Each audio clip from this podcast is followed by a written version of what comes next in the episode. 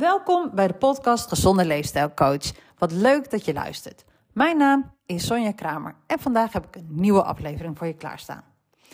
Voordat ik begin wil ik eerst een paar mensen bedanken voor de ontzettend leuke berichten die hier binnenkomen op mijn mailadres sonja.gezonder.nl. Bijvoorbeeld van Els uit Dordrecht.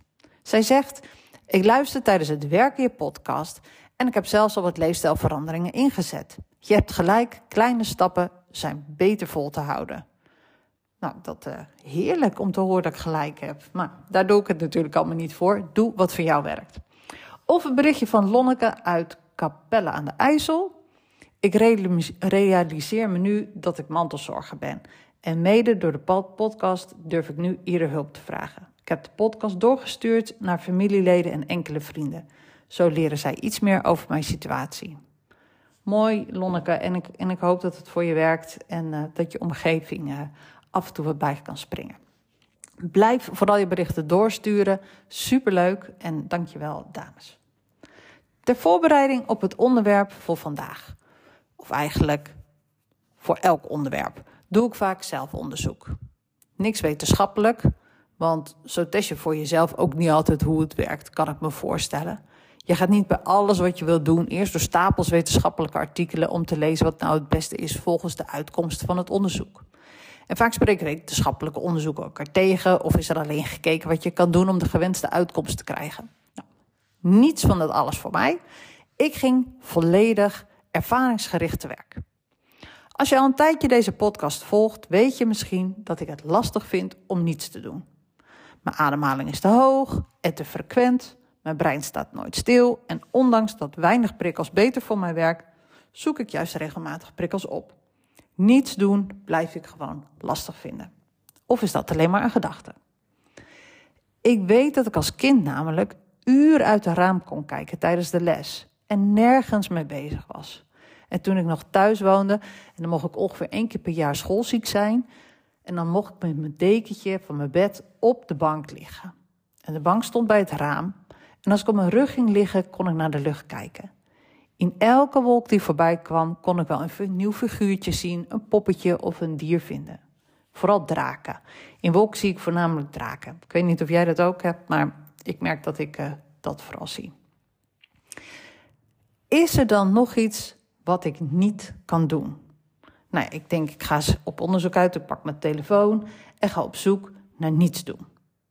Een Google-opdracht en toch ben ik weer iets aan het doen. Twintig minuten later kom ik daar op een gegeven moment zelf ook achter. Wat is niets doen toch eigenlijk moeilijk? Vroeger was ik er namelijk echt heel erg goed in. Wachten bij een bushalte voor 45 minuten. Deed ik gewoon. Ik had tot mijn twintigste geen mobiel. En ik was, nou ik denk vanaf mijn 32ste had ik een smartphone. Maar dat was zo'n instapmodel, zei de meneer. Ik kon dus alleen maar eigenlijk van die hele vage foto's maken met van die mega grote pixels. En het was dat ik wist wie op de foto stond, maar voor een leek was dat altijd niet te ontcijferen wie het nou was waarmee je uit eten was. Nu zeg ik eigenlijk bijna dat waren echt good times. Want ik kon prima niets doen. En natuurlijk was het niet mijn hobby om de bus te missen en 45 minuten niks te doen. Af en toe kon ik dan wel een praatje maken met iemand anders die ook de bus had gemist. Ik heb het levensverhaal van heel wat mensen gehoord bij die halte bij Amsterdam Centraal Station. Nu is dat echt anders. In de bus, in de tram, in de trein, in de metro, bij de bakker, in de wachtkamer. Overal waar je even moet wachten, zitten mensen op een mobiel. Niemand is meer niets aan het doen. En stress activeert de frontale cortex in ons brein. In dit hersengebied bevinden vaardigheden als logisch redeneren en het plannen van taken. Allemaal heel belangrijk. Maar wie alleen nog in dit stuk van het brein functioneert, wordt wat je noemt beperkt van geest. En de flexibiliteit verdwijnt en we kunnen de dingen nog maar op één bepaalde manier bekijken. Terwijl we juist altijd stimuleren om mentaal zo flexibel mogelijk te zijn. Leer ik nu dat ik door mijn niet niks doen gedrag mezelf dus mega tegenspreek. Ik word daardoor inflexibel. En als je een keer een conflict met iemand hebt die zich volledig vastbijt in zijn of haar eigen gelijk, kan je wel eens op een rustige manier vragen of diegene recent nog wel eens niets gedaan heeft. Want ook dat is een symptoom van het activeren van een frontale cortex. Je ziet geen andere oplossingen meer en je ziet alleen nog maar je eigen gelijk. Dit wordt allemaal gemeten als stressreactie. Hoe vaker je zulke stressreacties activeert, hoe moeilijker ze te stoppen zijn. In je brein worden als het ware bepaalde paadjes uitgesleten, terwijl de alternatieve paadjes overwoekerd raken. Het wordt er steeds moeilijker om iets nieuws uit te proberen. Goed nieuws. Wij mensen zijn wel degelijk in staat om nieuwe neurologische paden aan te leggen. En ik kan het je zelfs binnen zes weken leren hoe. Dus zit jij met je team of merk je dat je flexibiliteit nou een beetje eruit is? Je geen nieuwe oplossingen meer kan bedenken of als er conflicten zijn, klopt dan alsjeblieft bij mij aan en dan kan ik je in zes weken leren hoe je die negatieve paden uh, waarop jullie nu zijn beland weer kan bijsturen. En volgens sociaal psycholoog Sander Kolen komt het erop neer dat je onder invloed van stress als het ware vergeet wat je het liefste doet. Ik citeer: Veel mensen blijken hun eigenlijke doelen dan uit het oog te verliezen en zich makkelijk doelen te laten aanpraten die ze helemaal niet leuk vinden. En wat ik super interessant vond, is het volgende onderzoek van dezelfde meneer Kolen. Dus toch een beetje wetenschappelijk gegaan, mensen. Hij publiceerde samen met vijf collega's een artikel waarin hij beschrijft hoe proefpersonen meedraaien in een gesimuleerde werkdag. En al na matige hoeveelheid werkdruk vergaten ze voor welke taken ze aanvankelijk hun voorkeur hadden uitgesproken. Ze namen zonder meer aan dat ook onaantrekkelijke klusjes tot hun zelfgekozen pakket hoorden.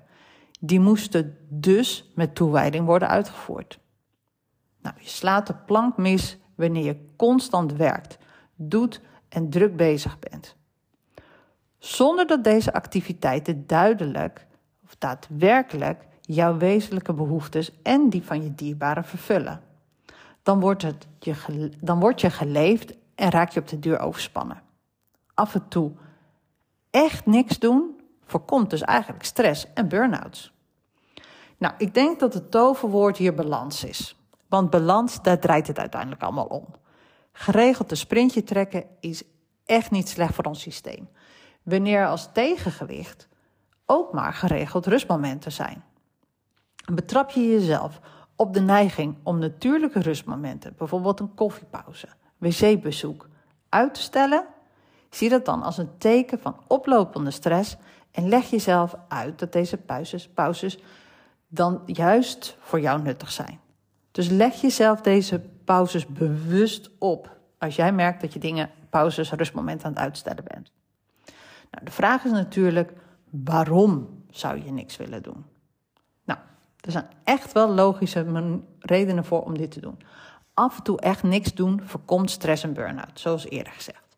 Het maakt je rustiger, het kan voor een opgeruimd hoofd zorgen, het maakt je creatiever en productiever en door niks te doen brengen we onze hersenen op andere gedachten. En heel belangrijk, je brein kan zich weer opladen. Hoe doe je goed niets? Nou, hoewel iedereen anders is, geldt één ding voor ons allemaal. Onttrek je actief aan een situatie waartoe je iets bent verplicht. Die eisen aan je stelt of waar je weer in controle moet zijn. Maak jezelf vrij van verplichtingen en ga ontspannen.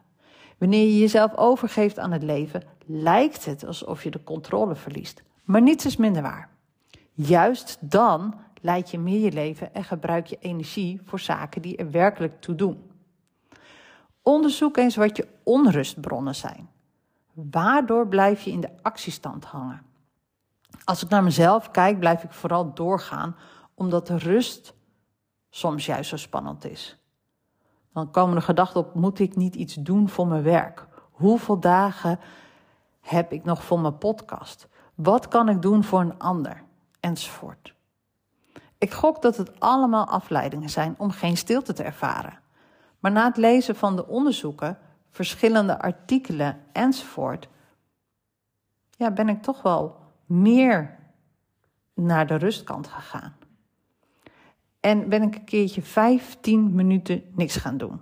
En de dag daarna 30 minuten. En eerlijk gezegd, het was lang. Het was niet makkelijk om echt helemaal niks te doen. Niet even als er een gedachte opkomt.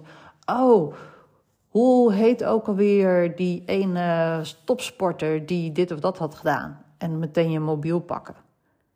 Hmm, niks doen is voor mij niet heel makkelijk, maar het was wel fijn.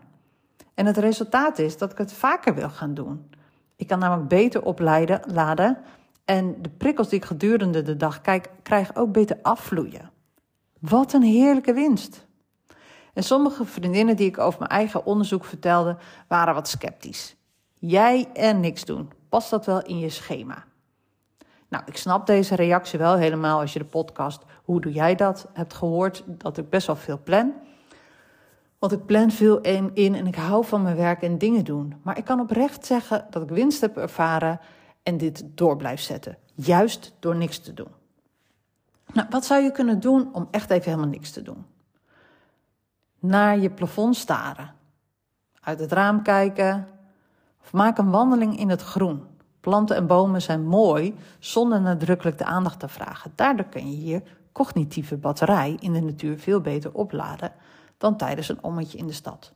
Heb je geen, geen groen in de buurt, no worries, de stad is ook prima. Ga gewoon kijken of je op je ademhaling kan concentreren.